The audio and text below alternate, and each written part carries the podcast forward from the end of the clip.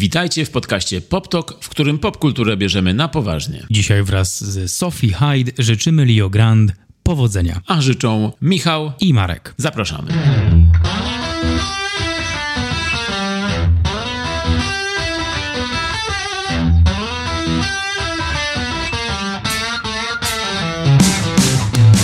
Marek.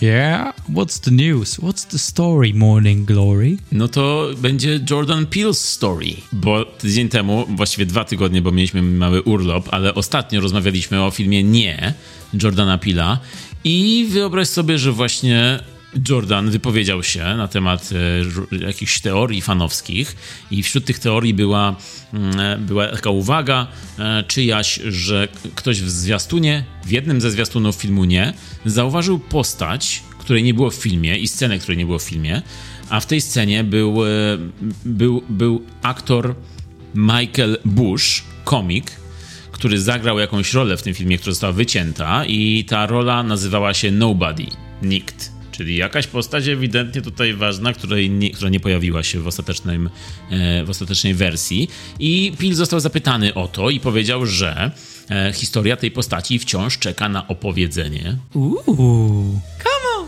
yeah! Pil ucieszył się też z tego, że ktoś zauważył w ogóle taki szczegół e, w jednym z zwiastunów i też wypowiedział się, że w przyszłości dostaniemy więcej odpowiedzi na te pytania. I nie skończyliśmy opowiadać tych historii, tak powiedział. Ale to było tak, że ta postać była fizycznie w filmie, czy była gdzieś wymieniona w napisach, ale jej nie było na ekranie? Była w, wiesz co, była w liście płac w obsadzie na portalu IMDb był uwzględniony Michael Bush jako nobody, e, z tym, że nie było w ogóle go w filmie i ktoś po prostu, ktoś, kto łączy fakty dobrze, znalazł ten, e, ten szczegół i znalazł go w zwiastunie. Jest jeden zwiastun, e, w którym można zobaczyć tę postać. Także wygląda na to, że w ten enigmatyczny sposób Pil chce nam powiedzieć, że albo będzie sequel, albo jakaś rozszerzona wersja filmu. Ja bym bardzo chętnie zobaczył jakiś spin-off albo sequel, historię z tego, z tego świata, o którym mówiliśmy w ostatnim odcinku. Oh, hello there. Hello there, little chubby person.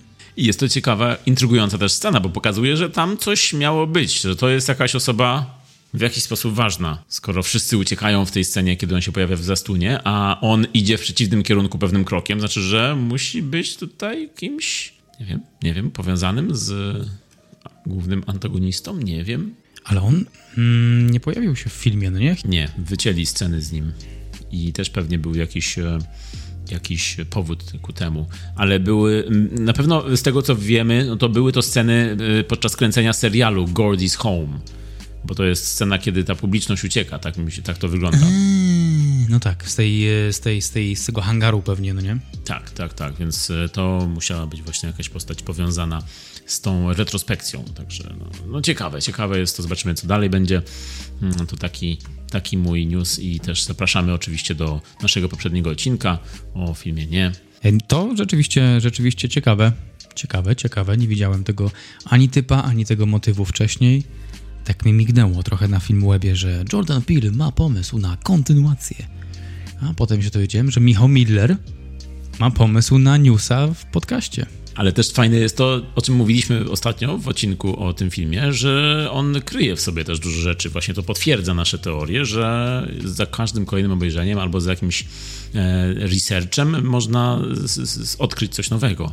In other news, czy słyszałeś, że Leonardo DiCaprio jest znowu singlem? Tak, słyszałem. Słyszałem, że internet puszcza wszędzie komentarze, że wiedzieliśmy, że tak będzie już kilka miesięcy temu, przewidzieliśmy to. Nostradamus powiedział to.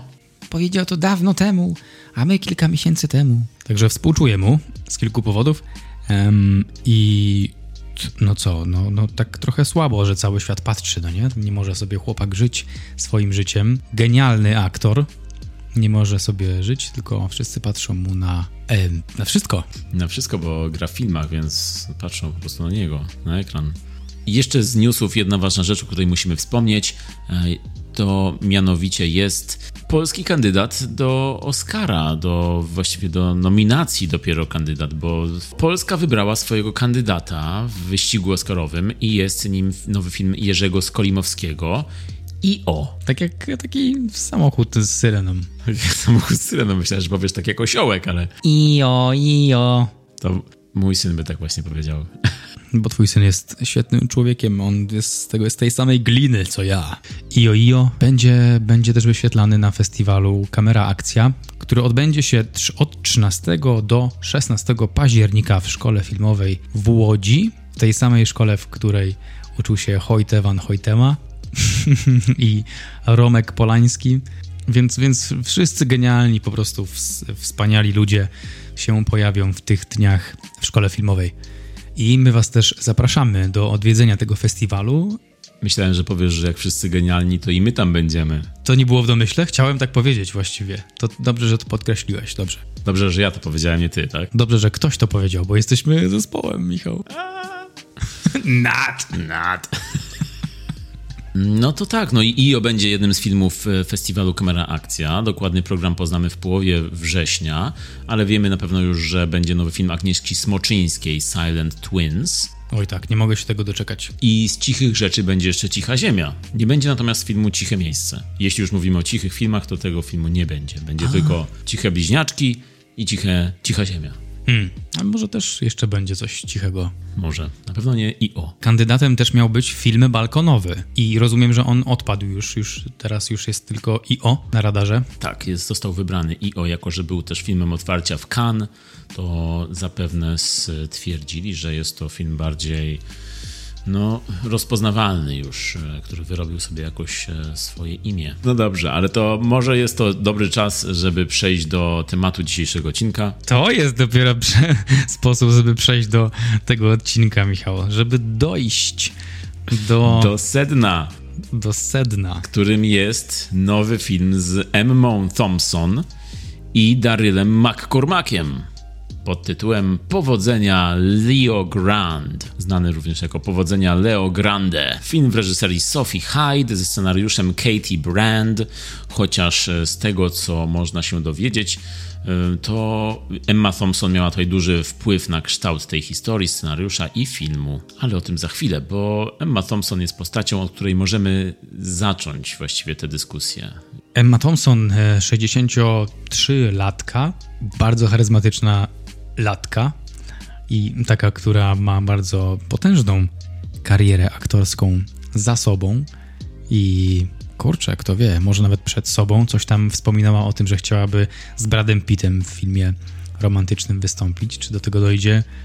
Nobody knows, ale jak już jest we wszechświecie, już to manifestuje, to może Brad się skusi. Jest y, kobietą, która po tym filmie dla mnie stała się kimś bardzo odważnym, ale tak jak już wspominałem, bardzo obszerna kariera aktorska za nią. E, ona się wybiła na filmie Rozważna i Romantyczna, jeśli do, dobrze pamiętam, który napisała i w którym występowała. Tak, z tym, że wybiła się nawet wcześniej jeszcze, bo... Do tell. I will, bo wybiła się mając 3 lata... Nie. wybiła się z trampoliny, trampoliny w ogródku. Tak. Tak, w ogródku. A właśnie jeśli o tym mówimy, no to e, Emma Thompson, jej mama, Philida Law, jest również aktorką, która ma dzisiaj.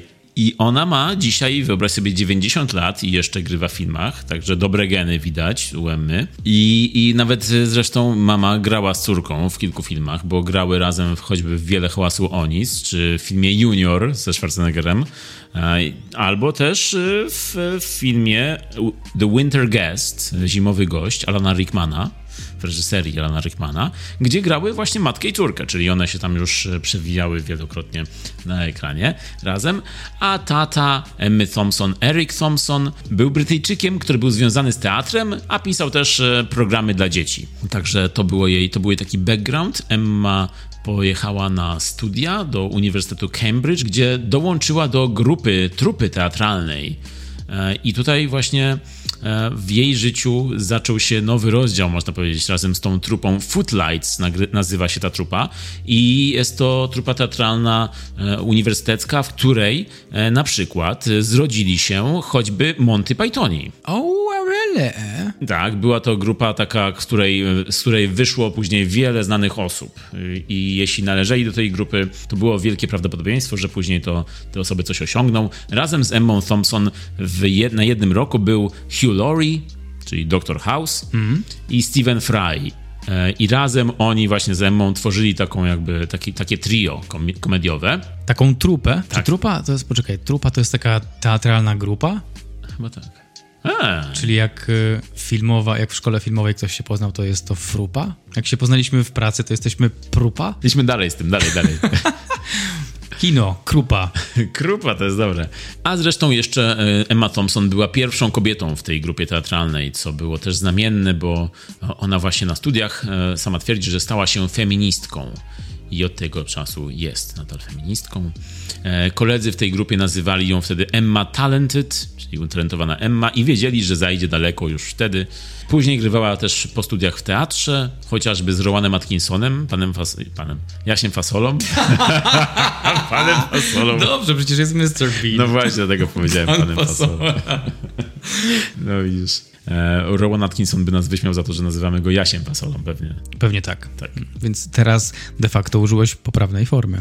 No, tak, na, na moje usprawiedliwienie. W każdym razie tak. No i później było też e, teatr taki jak West End, gdzie została zauważona i później zaczęła grywać w telewizji, w programach komediowych, bo w ogóle Emma Thompson jest bardzo i była bardzo związana z komedią od samego początku, co mnie zaskoczyło na przykład podczas tego researchu. Nie spodziewałem się. Ona miała nawet swoje programy komediowe w telewizji. Jeden nazywał się Thompson, drugi tam nazywał się um, coś, Emma? coś z Emma, chyba Emma, tak? Na podstawie Jane Austen. I ona, ona właśnie mocno szła w komedię na początku. E, grywała razem właśnie z Hugh Lauriem i Stevenem Fryem jako takie trio komediowe. Tworzyli kilka programów telewizyjnych w BBC czy też w innych telewizjach i odnosili duże, duże sukcesy. E, no i później zaczęła grywać w miniserialach w BBC i dostała wtedy nagrodę BAFTA i poznała na planie pewnego pana, który się nazywał Kenneth Branagh pana o nazwisku Brana. Take it away. Take it away. Back to you, Steve. Kenneth Brana i co się potem działo? A w ogóle to jest ciekawe, że związana jest z komedią, no bo ja jej też nie kojarzę z tej strony. A był też film Late Night z nią w roli głównej, gdzie była hostem programu komediowego. Trochę tak jak Conan czy Jimmy Fallon. Prowadziła tam e, show. I to tak ciekawe, ciekawie się zapętla to. No bo jak myślę sobie Stephen Fry albo Hugh Laurie, no to są postaci, które komediowo się wybiły, ale Emma Thompson w ogóle bym jej tam nie połączył z nimi. Ciekawe, ciekawe. No właśnie, też mnie to zaintrygowało, tym bardziej, że właśnie już e, kiedy ona stała się e, rozpoznawalna, kiedy jej kariera ruszyła na dobre, a, e, a, a debiutem jej kinowym był film Driblas, The Tall Guy z 89 roku, napisany przez Richarda Curtisa, twórcę Czterech Weseli Pogrzebu późniejszego, gdzie Emma Thompson grała razem z Jeffem Goldblumem. Ten film nie odniósł sukcesu, ale to była jej taka pierwsza rola kinowa. No to z Goldblumem dobre otwarcie. Tak jest. A później właśnie przyszły lata 90., początek lat 90., gdzie jako żona Kennetha Brana, już jego żona, e, grała w jego filmach reżyserowanych przez niego i u jego boku, no bo on reżyserował, pisał i grał główne role w adaptacjach Szekspira i był to Henryk V, e, wiele hałasu o nic, były też e, teatralne wersje Szekspira, w których razem grali i był też choćby film Kenneta Brana Umrzeć powtórnie, taki noir, e, lekko komediowy, mm, w którym też zagrali główne role. Także, także lata 90., początek lat 90., mm, ona wtedy weszła mocno do kina brytyjskiego zwłaszcza, ale y, sukces odniosła w 92 roku, co jest dosyć szybko po pierwszej roli w 89, trzeba powiedzieć. Trzy lata i już był film Powrót do Howard's End y, z Antonym Hopkinsem i właśnie Emma Thompson w reżyserii Jamesa Ivory. No i to była właśnie rola, y, która później została z nią na, na wiele lat, taki archetyp Emmy Thompson trochę. E, I to była też rola, za którą dostała w 93 Oscara dla najlepszej aktorki pierwszoplanowej. Czyli patrz, 4 lata e, kariery i już Oscar. Także już widać było rzeczywiście, że, że, że, nazywając ją utalentowana Emma, mieli tutaj rację ci koledzy z grupy teatralnej. Ona sama tak się nawet wypowiada o swojej karierze, że to jest coś, co musiało się wydarzyć, że pochodzi z takiej rodziny, że to nie mogło się nie udać, jeśli chodzi o jej karierę aktorską. Po prostu uważała, że inaczej to się nie może rozwinąć. To, czyli jej życie. Też obracała się od dziecka w takich kręgach, też pewnie jej rodzice, e, towarzystwo na studiach, to wszystko ją tak prowadziło w jednym kierunku. No i później, jeśli już jesteśmy przy Oscarach, no to 93 rok jej pierwszy Oscar, później 94 rok, także rok później dostała nominację, dwie nominacje jednego roku, bo dostała za pierwszoplanową rolę w Okruchach Dnia, też Jamesa Ivory, i za drugą planową rolę w filmie W imię Ojca z Danielem Day-Lewisem. I jest to bardzo rzadkie osiągnięcie, tylko 8 osób w historii e, zdołało jednego roku dostać dwie nominacje w dwóch kategoriach aktorskich.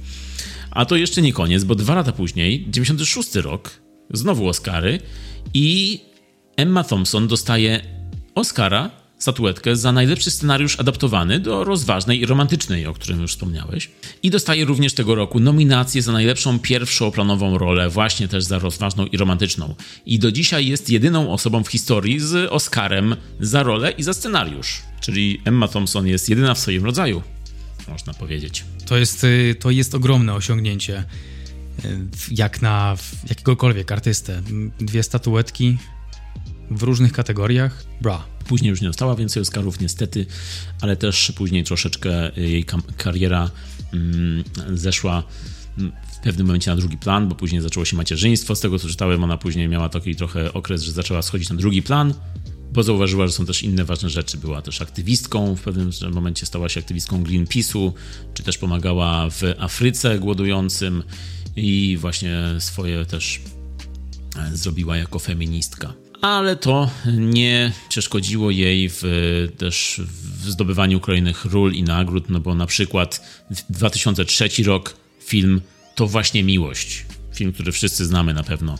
Richarda Curtisa, ale w każdym razie rola Emmy Thompson, e, jak ona sama mówi, w to właśnie miłość jest do dzisiaj jej najpopularniejszą rolą, rolą, którą, która największą rozpoznawalność jej przyniosła na całym świecie. E, paradoksalnie, bo przecież Oscary i nagrody dostawała za tamte poprzednie, wcześniejsze filmy. E, I zresztą scena płaczu z filmu To właśnie miłość, którą pamiętam, jest uznawana przez wielu jako najlepszy płacz na ekranie wszechczasów. Sama Thompson stwierdziła później w wywiadzie, że, e, że było to dla niej łatwe, bo miała duże doświadczenie w tym. Ojejku. No ale w sumie, w sumie to bardzo mądrze też odpowie odpowiedziała, bo aktor też szuka emocji w sobie. Więc jeśli miała materiał, i ja sobie, ja nie pamiętam tej sceny teraz, ale e, znając ją jako aktorkę, mogę sobie wyobrazić, że ma z czego wybierać, ma taką mocną inteligencję emocjonalną przy wygrywaniu ich na ekranie. A w ogóle, teraz mi się przypomniało zupełnie oryginalnie, bez żadnej osoby, która mi wspomniała o Harrym Potterze wcześniej. że ona przecież grała w Harrym Potterze, tą wróżbitkę. E, no jak byli na zajęciach ze wróżenia, to przecież to była Emma Thompson, która była nauczycielką i przy tej Emmie Thompson Harry wywróżył, właściwie Ron mu wywróżył, że ma ponuraka, czyli symbol śmierci. I wtedy Emma Thompson się przestraszyła w tych swoich ogromnych okularach. Tak, pamiętam kilka scen z nią, ona też była tam, ale to nie jest pierwsza rzecz, jaka mi właśnie tak wskakuje, jak myślę o Emmie Thompson. Pierwsza rzecz to będzie chyba jednak film Late Night. E, no i też jest ta smutna scena w Harrym Potterze, kiedy ona płacze, jak ją Umbridge yy, yy, zwalnia. Czyli znowu płacz. Znowu płacz. I znowu dobry płacz. Dobry płacz, bardzo dobry płacz. Dumbledore ją pocieszał i przywrócił jej stanowisko, ale, ale co popłakała, to popłakała. Co Bejlo, to Bejlo. Rzeczywiście Emma Thompson zagrała tę postać w, w trzech Harry Potterach, w trzech częściach e, i tutaj myślę, że dlatego mówisz, że nie jest może tak, nie kojarzyć się tak od razu z Harry Potterem, bo w Harry Potterze chyba w tych częściach wszystkich była cała śmietanka aktor, brytyjskich aktorów, więc tam kto jest z Anglii, kto się w Anglii urodził, ma grać w Harry Potterze. A ktoś się w Anglii urodził. Ma grać, ma grać, ma grać w Harry Potterze. No, także tak, tam cała śmietanka brytyjskich aktorów grała e, i dlatego nie mogła zabraknąć też Emmy Thompson, ale Emma Thompson już wcześniej zaczęła wykazywać taki dryk ku e, kinu familijnemu i dziecięcemu, takiemu dla dzieci, młodzieży, mm, bo odkąd stała się matką, sama twierdzi, że jest to dla niej ważne, bo ona też pisze książki, czasami zdarza jej się napisać, napisała książkę w serii Piotruś Królik na przykład dla dzieci i też e, pracowała przez 9 lat nad adaptacją książek dla dzieci o niani, był ten, był ten film Niania, Nanny McPhee, gdzie Emma Thompson zagrała główną rolę i też pisała scenariusz i produkowała i był to dla niej bardzo osobisty projekt, jak twierdzi, a później powstał też sequel do tego filmu, e, też e, nad którym pracowała. Także stała się taką aktorką e, od, od familijnego kina też. Kończąc jej wątek, może jeszcze powiem tylko tyle, że mm, zawsze o, myśląc o Emmie Thompson, myślałem jak to takiej arystokracji aktorskiej, czyli tak jak Dame Judy Dench, Kate Winslet, Emma Thompson, która też jest zresztą Dame, ma ten y, przydomek, nie przydomek, ma ten tytuł szlachecki, tak jak Sir y, Ben Kings i tak jest Dame Emma Thompson. Mm, no i ona y, zawsze kojarzyła mi się z takimi rolami właśnie osób, zawsze kojarzyła mi się z takimi rolami kobiet opanowanych, arystokratycznych, z wyczuciem ironii, małomównych, takich zamyślonych, Taki właśnie typ Emmy Thompson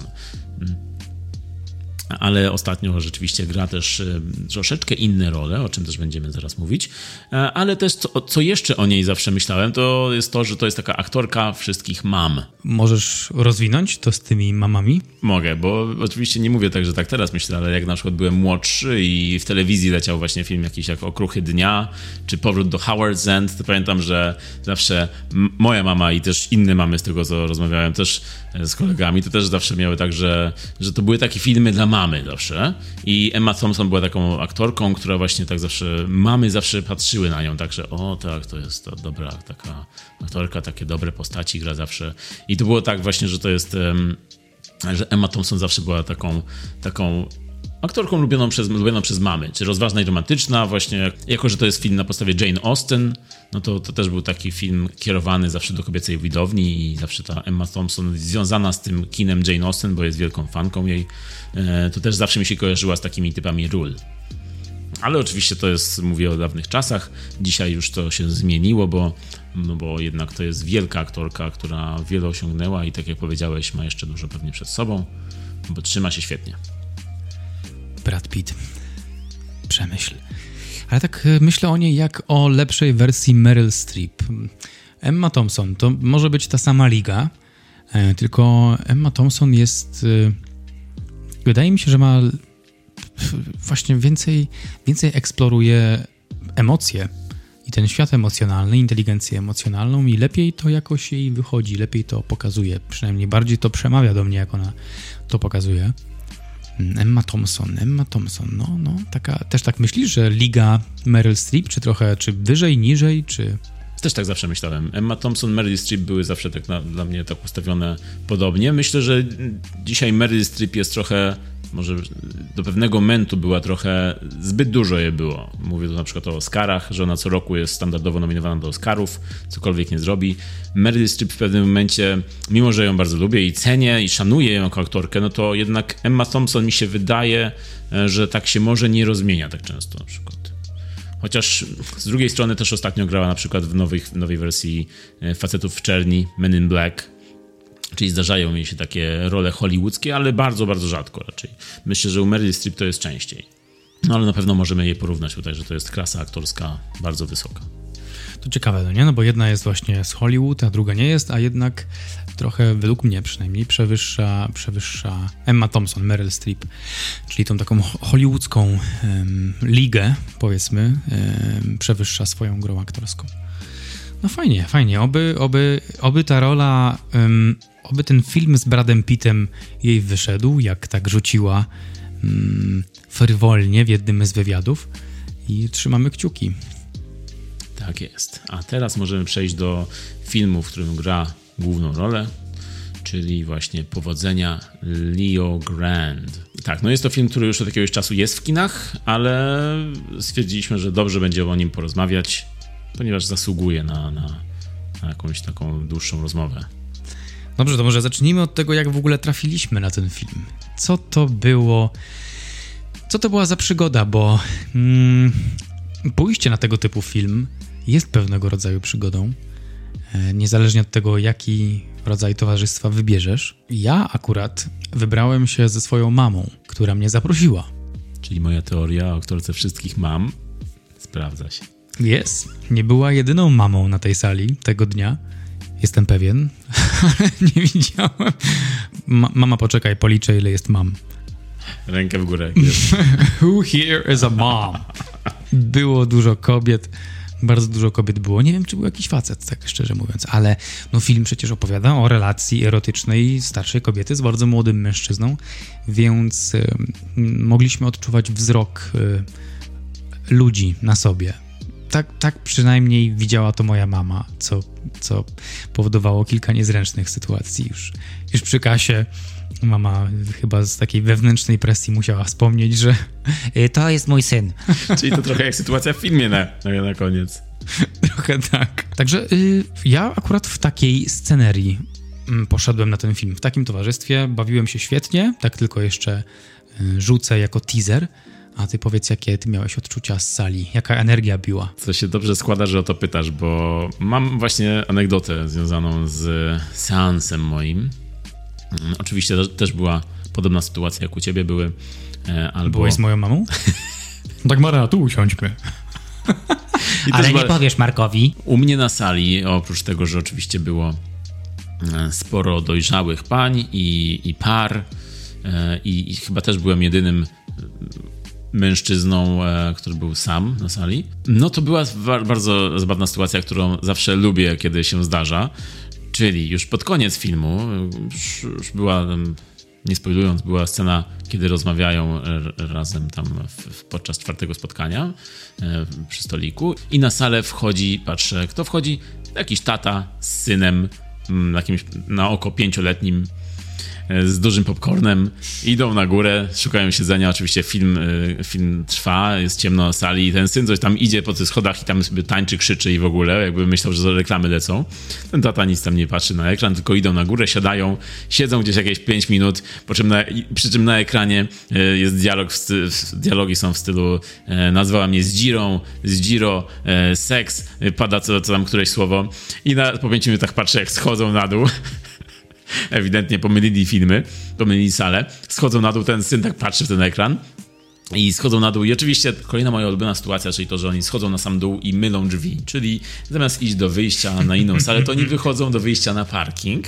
Z tym, że ja już patrząc na to widzę, że ten ojciec naciska klamkę, otwiera drzwi, wygląda, zauważa, że o, to nie to wyjście, to jest wyjście na parking. Zamyka drzwi, woła synka, żeby szedł za nim, idą do drugiego wyjścia na parking i wychodzą drugim wyjściem na parking i zamykają ze sobą drzwi, które już od zewnątrz nie, nie otwierają i tym sposobem wychodzą z kina w ogóle. I to nie koniec, bo dosłownie, dosłownie to było jak w filmie. 5 sekund później wchodzi na salę babcia z małym chłopcem też na oko pięcioletnim. Dosłownie taka sama sytuacja. Ja, ja już w tym momencie w, w fotelu patrzę na to i już uśmiech mam taki szeroki. I ta babcia siada, w, widzi, że się film zaczął, że film trwa i więc mówi temu wnuczkowi, że, żeby usiadł w pierwszym rzędzie. Ona siada w pierwszym rzędzie.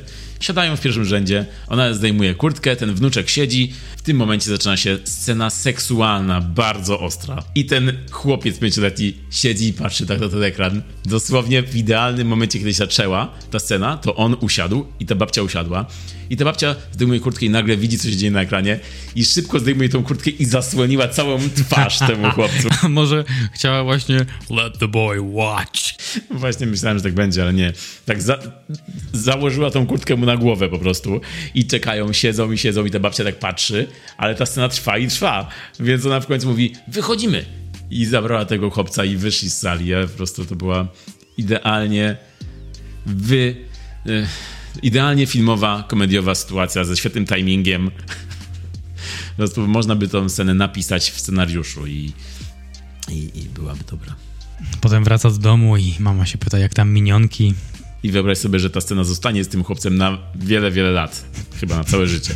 To były kulisy mojego seansu, e, ale oczywiście nie przeszkodziło mi to w cieszeniu się tym filmem, bo jest czym się cieszyć. Trochę wam opowiedzieliśmy, jak wyglądała nasza historia związana z tym filmem, e, ale teraz może powiem trochę więcej o tym, o czym film opowiada de facto.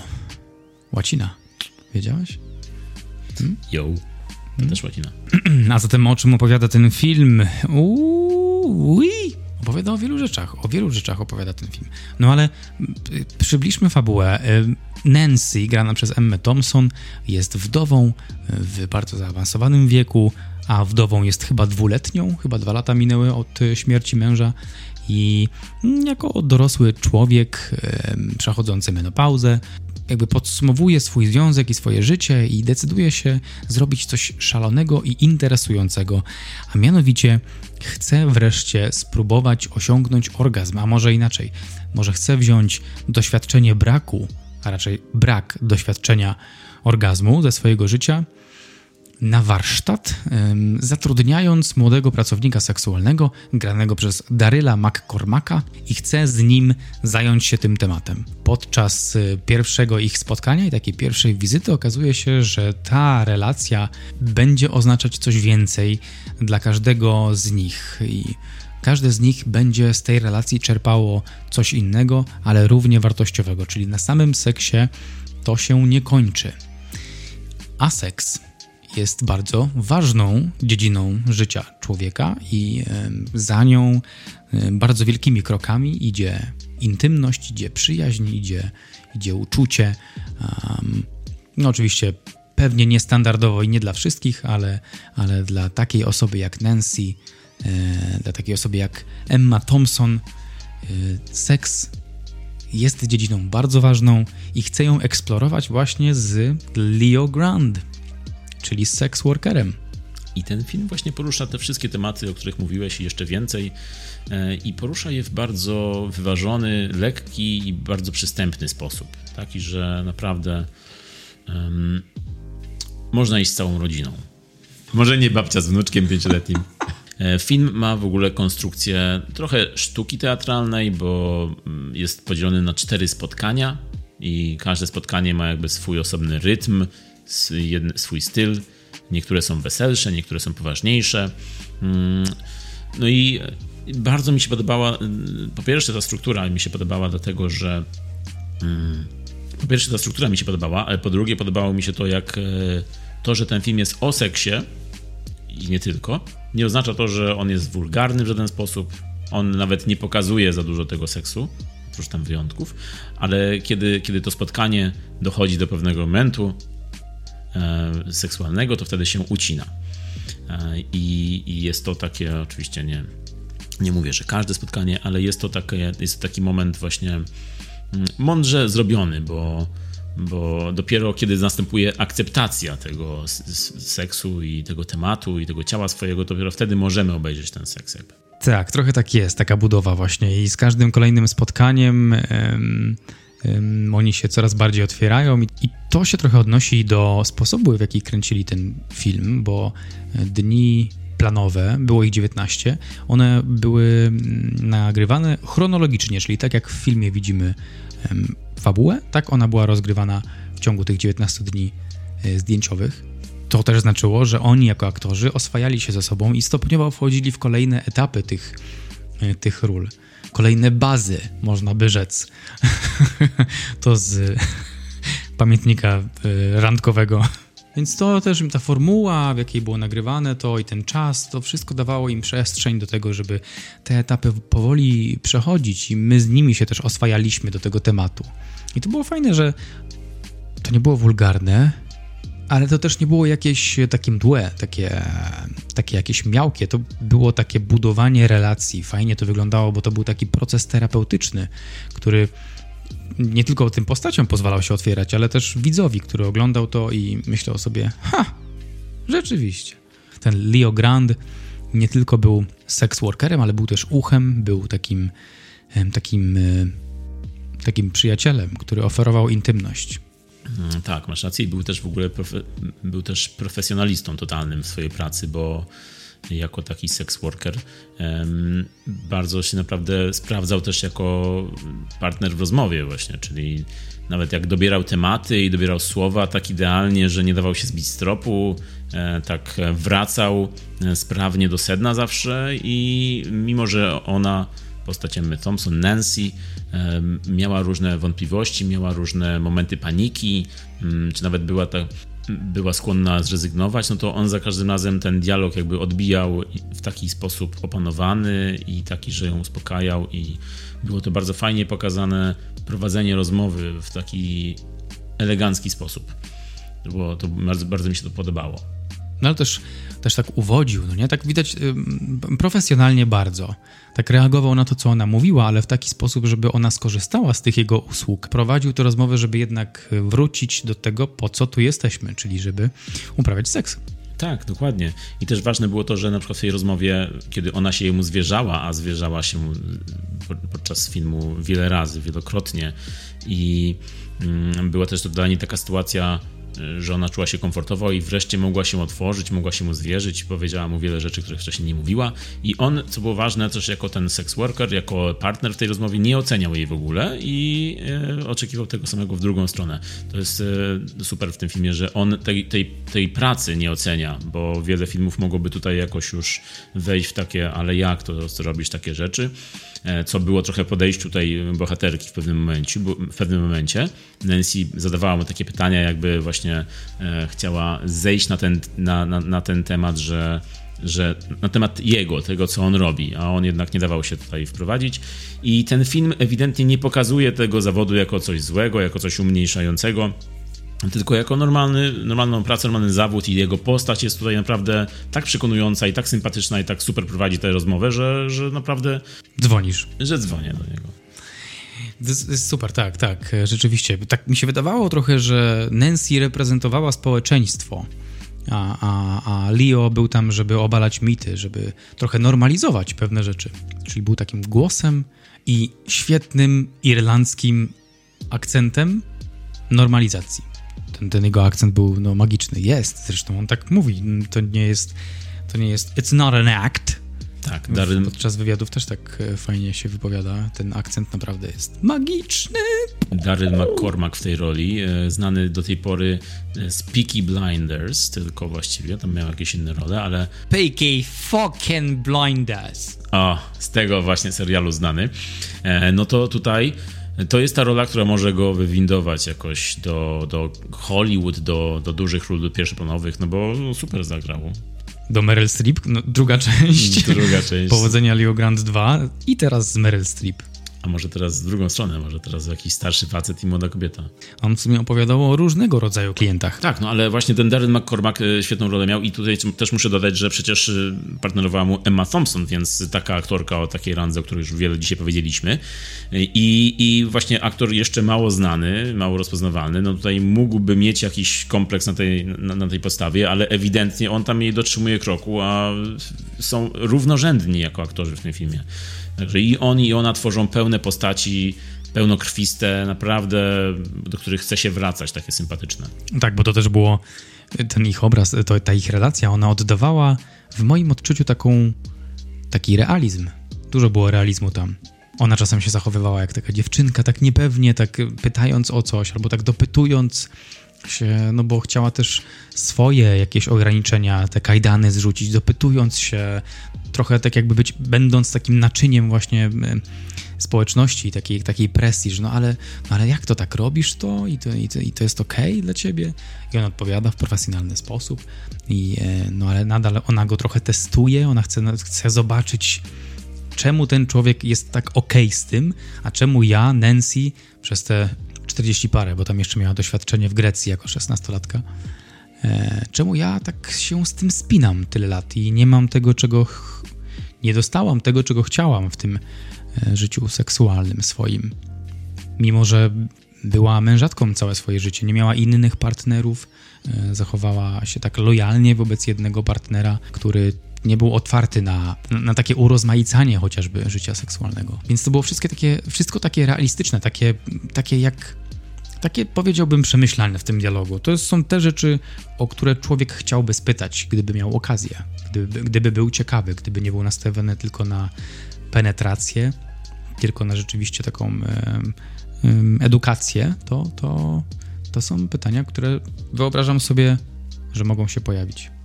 Ja bym zadał. Tak, ale jeszcze też e, nawiązując, nawiązując do tego, co mm, mówiłeś o tym, że ona właśnie, ona jemu mówi różne rzeczy, że em, trochę, trochę em, jakby chciała zbić go z tropu w tym wszystkim.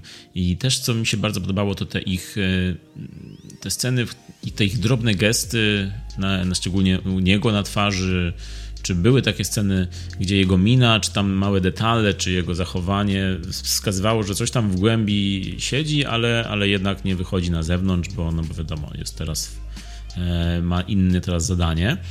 I, i te, te, te, te gesty, te właśnie drobne rzeczy bardzo mi się podobały tutaj. Mm. Czy nawet, czy nawet takie sceny jak właśnie scena tańca, bo to jest film mówiony, to już jak już słychać, e, bo już mówiliśmy o nim, ale też jeśli słychać z opisu fabuły, no to jest film mówiony, on się dzieje w jednym miejscu praktycznie i to jest film teatralny, tam nie ma akcji, tylko jest ciągły dialog, e, prze, przerzucanie się dialogami i to jest kino emocji tylko.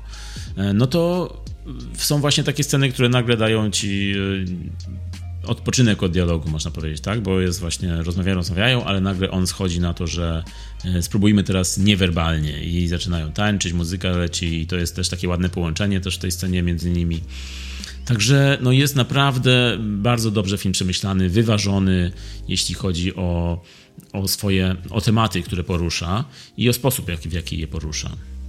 Tak, jest tam sporo niuansów, no nie? I w każdym niuansie można dostrzec jakąś, jakąś kolejną gałąź czegoś, co może być rozwinięte, ale, ale lepiej jak pozostaje w domyśle, jak na przykład Leo patrzy się w lustro em, i, i patrzy na swoje ciało i przez chwilę wygląda jakby trochę żałował, ale może nie tyle żałował, co... Mm, co, co wszedł głęboko w swój umysł i poddawał pod wątpliwość to, co on robi w ogóle, no nie? Pod wpływem tego, co usłyszał od, od Nancy, że hej, może rzeczywiście coś tam ten, może ma... I widać tą jego pustkę, y, która się tak otwiera przed nim i za chwilę się kończy, bo Nancy wychodzi na przykład z łazienki. Tak, jest tam dużo takich niuansów. Uśmieszków, spojrzeń. Taki jest to między nimi taniec. Nie, nie, nie, może nie, nie dosłownie jak w tej scenie, gdy tańczą, ale jest to też, jest to też taki taniec, e, taka wymiana. Tutaj ja cię potestuję, tutaj ja zachowam się profesjonalnie, ale trochę cię uwiodę, ale może jak nie chcesz tego zrobić, bo się tego boisz, to spróbujemy w inny sposób. Ja się trochę z tobą pobawię, ale nie reagujesz na to, no to ja może sam się zadowolę jakoś fizycznie, patrząc na ciebie, no nie? I to jest, jest taka bardzo duża dynam- dynamika między nimi. No jest to na pewno ważny punkt w, do dyskusji o, o tych tematach, które się przewijają w filmie, zwłaszcza na pewno w naszym kraju, który jest jednak z tyłu i w tyle za choćby Wielką Brytanią, gdzie, gdzie już jest taki serial jak Sex Education, a u nas Sex Education nawet nie ma w szkole. Nie wiem o co ci chodzi, ja pszczoły widziałem. Tak, no i tylko pszczoły. Także u nas są pszczółki Maje i te inne rzeczy tylko. Także no, dlatego, tak jak mówię, jest to dobry film dla całej rodziny pod tym względem, no, oprócz babci z tym małym chłopcem. Ja tam lubiłem pszczółkę Maję. Ja też lubiłem, ja też, ale może nie w liceum na lekcji przygotowania do życia w rodzinie. Co? Nie, nie, nie, nie. Trauma. You, you did not have this. trauma. Hashtag trauma. Trauma. A może Maja byłaby lepsza? Odcinek specjalny. Bonus! To jest właśnie tak, jak w tym filmie pokazane, to jest temat, który powinien być tak adresowany, czyli bezpośrednio, bez wstydu, bez um, pruderii, Dokładnie. a jeśli jest ta pruderia, to trzeba w jakiś sposób ją zwalczyć, trzeba ją rozwiać, tak jak Leo tutaj próbuje zrobić. Następnym razem, jak będziecie widzieć rodzica zakrywającego oczy dziecku, to podejdźcie i zakryjcie kurtką im twarz. Tym rodzicom, rzecz jasna. I powiedzcie, let the boy watch. Tutaj odnośnik do świetnego Willa Ferrella w jednym z jego filmów. Tak, ale wracając jeszcze do kulisów filmu, w ogóle e, film Powodzenia Leo Grant był nakręcony podczas pandemii, co jest idealnym właściwie e, filmem na taki okres skręcenia, bo to jest dwoje aktorów w pomieszczeniu, e, w mało, mało lokacji, mała ekipa, no to to właśnie było troszkę tak spowodowane pewnie też tym okresem, 2020 rokiem, który wszedł ostro.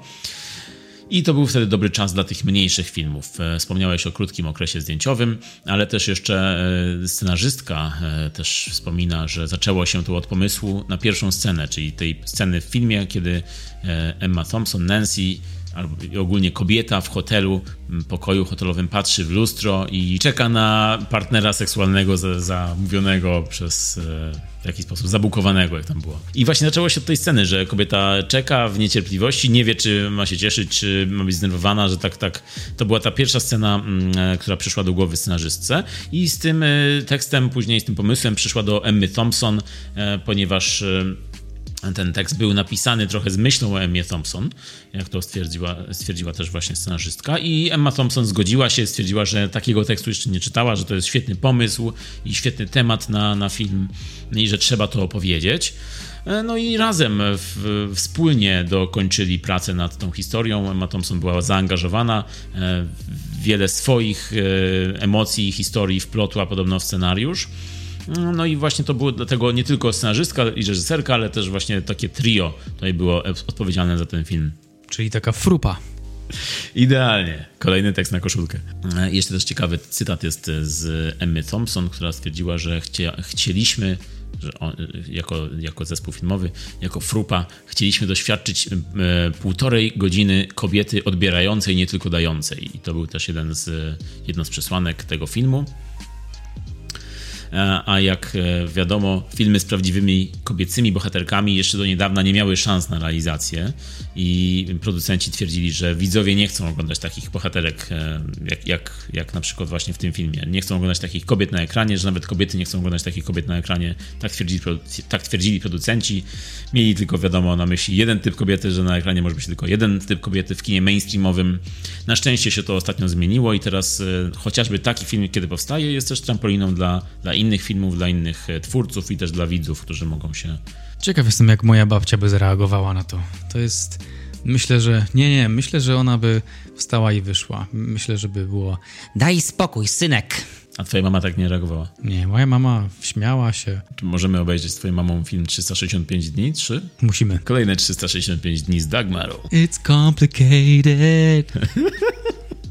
z panią Dagmarą, przepraszam. Pozdrowienia dla Dagmary. Dla pani Dagmary. Dobrze, dobrze, dobrze, dobrze. No mamy, mamy za sobą solidną rozmowę na temat filmu Powodzenia Leo Grand, a teraz przechodzimy do... Podsumowanka. Powodzenia Leo Grand. Leo Grande. Leo Grand. Powodzenia. Też mu życzę powodzenia, bo był świetną postacią tutaj w, w tym filmie. I życzę powodzenia Emmie Thompson, czyli Darylowi McCormackowi i Emmie. Życzę im powodzenia w przyszłych rolach bo w tych rolach odnaleźli się perfekcyjnie. Film sam w sobie nie jest jakiś spektakularny, nie o to chodzi w tym filmie.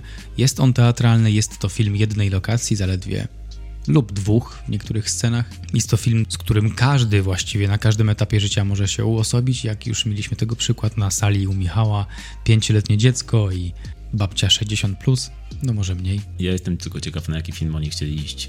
Pewnie jakiś kurozając czy coś takiego. A może chcieli pójść na coś ostrzejszego.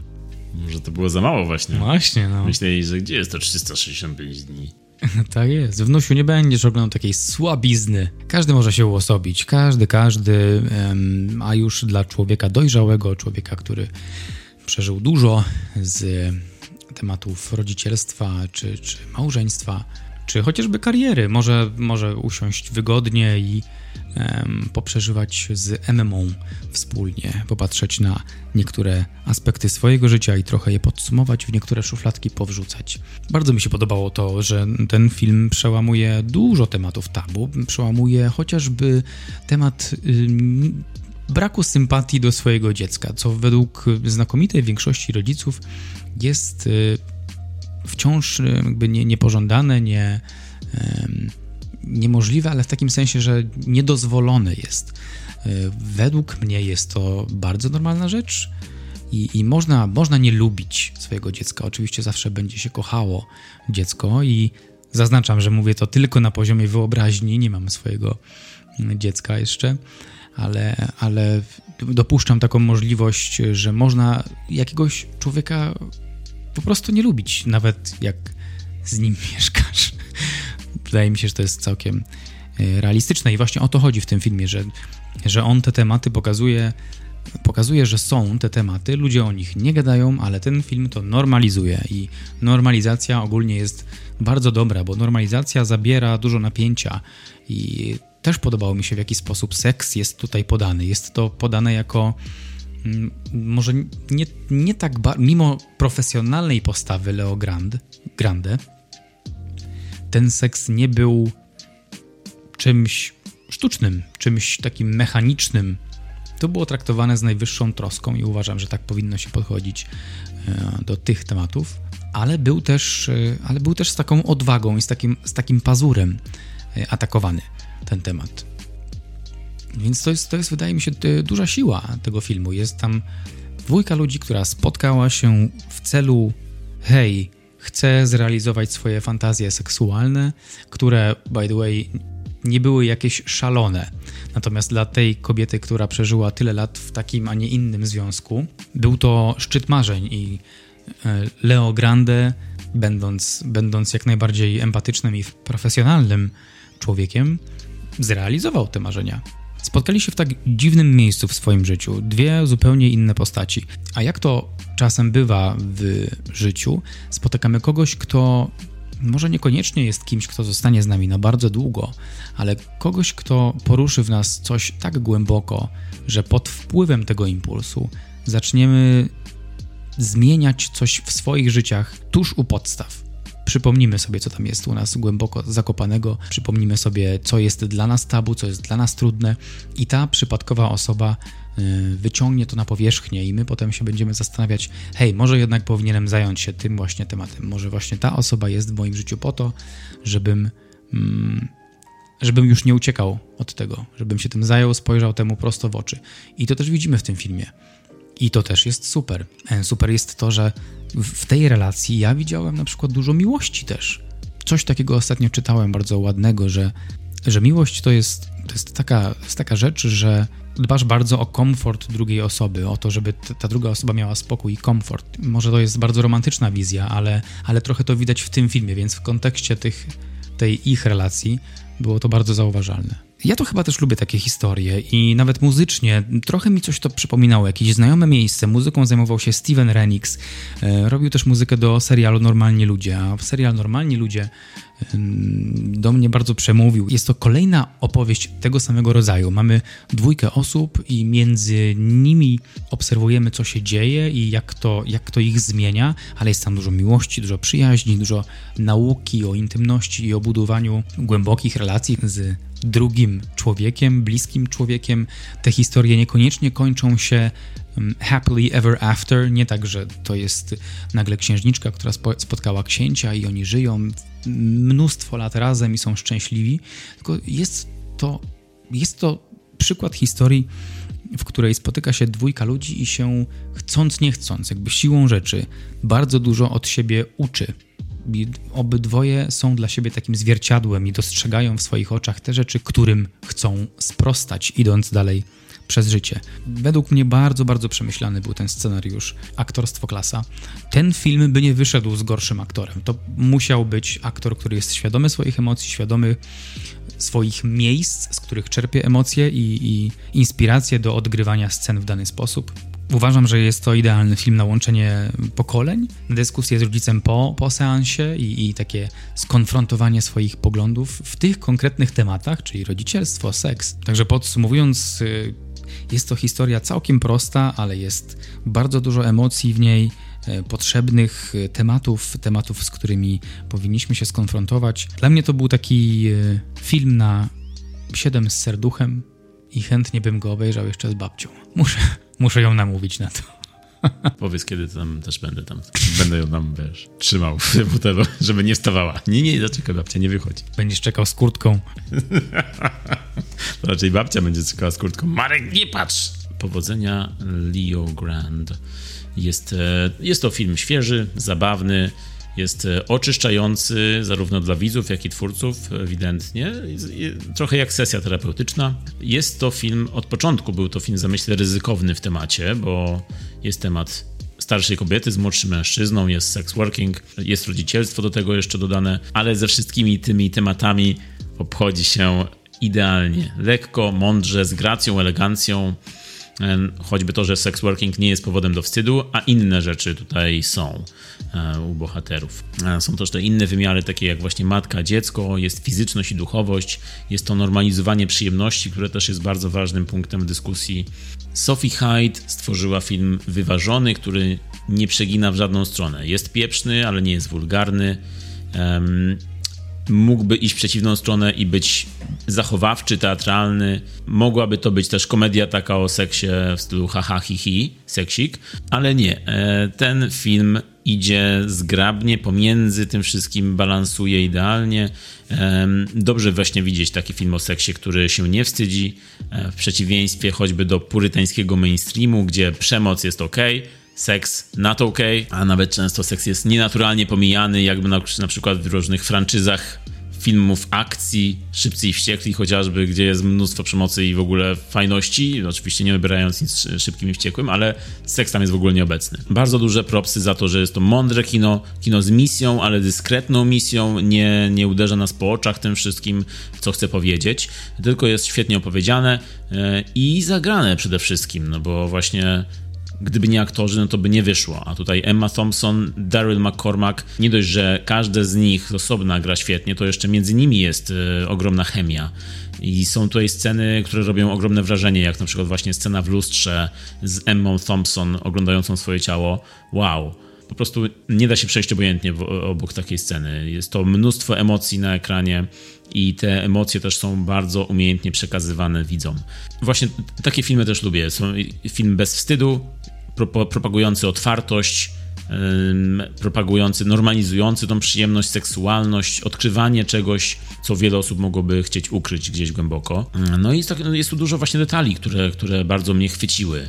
E, chociażby nawet to, że wspomniane jest tutaj, e, wspomniana jest tutaj pani Robinson, Mrs. Robinson z Absolwenta, a to jest ciekawe odwrócenie tej sytuacji, gdzie w Absolwencie była starsza kobieta doświadczona i ten młody, niedoświadczony e, zamknięty w sobie.